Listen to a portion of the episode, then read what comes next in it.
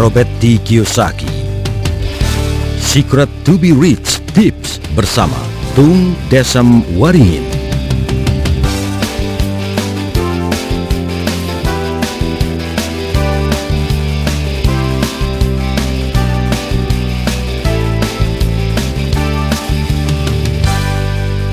Tips ke-23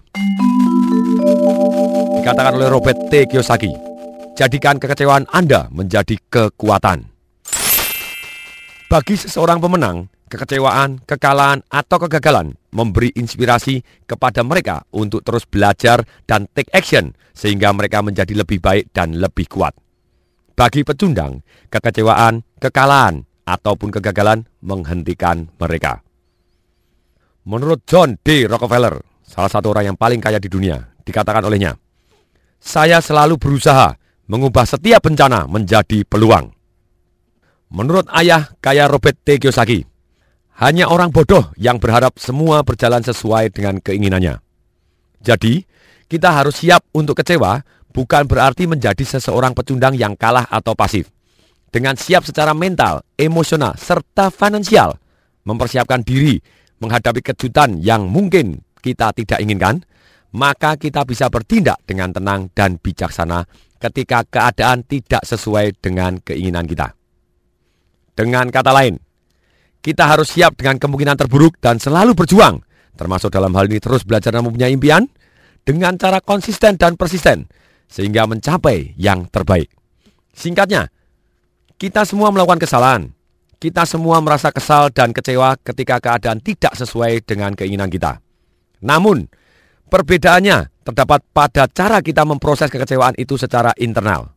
Ayah kaya Robert Sakinya meringkas seperti yang dikatakan seperti ini. Ukuran keberhasilanmu ditentukan oleh kekuatan hasratmu, besarnya impianmu, dan caramu menghadapi kekecewaan selama perjalanan. Banyak orang yang menggunakan kekecewaannya seperti membangun tembok mengelilingi mereka sehingga mereka tidak berkembang dan tidak ambil langkah lagi. Tetapi ada juga yang menggunakan kekecewaannya sebagai pondasi atau batu pinjakan sedemikian sehingga mereka melangkah dan tumbuh menjadi lebih baik, lebih kuat, lebih dahsyat, lebih kaya dan lebih sukses. Bagaimana cara menggunakan kekecewaan, kekalahan atau kegagalan sedemikian sehingga bisa menjadi kekuatan kita? Yaitu dengan menjawab pertanyaan-pertanyaan sebagai berikut. Satu, apa yang harus saya pelajari dari kejadian ini sehingga besok saya menjadi lebih baik? Apa pun yang terjadi dalam diri Anda, kita harus selalu tanya.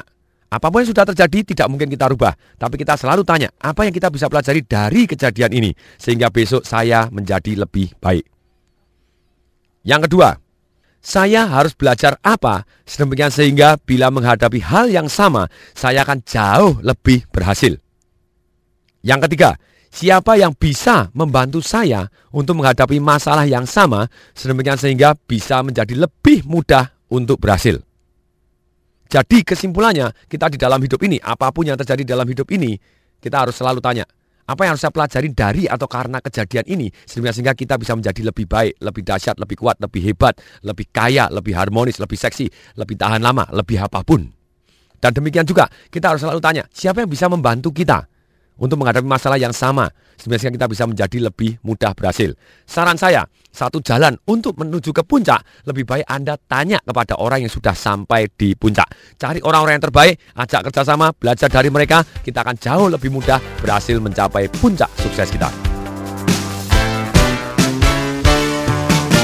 Demikian, semoga bermanfaat. Saya Tung Desem Waringin mengucapkan salam dahsyat.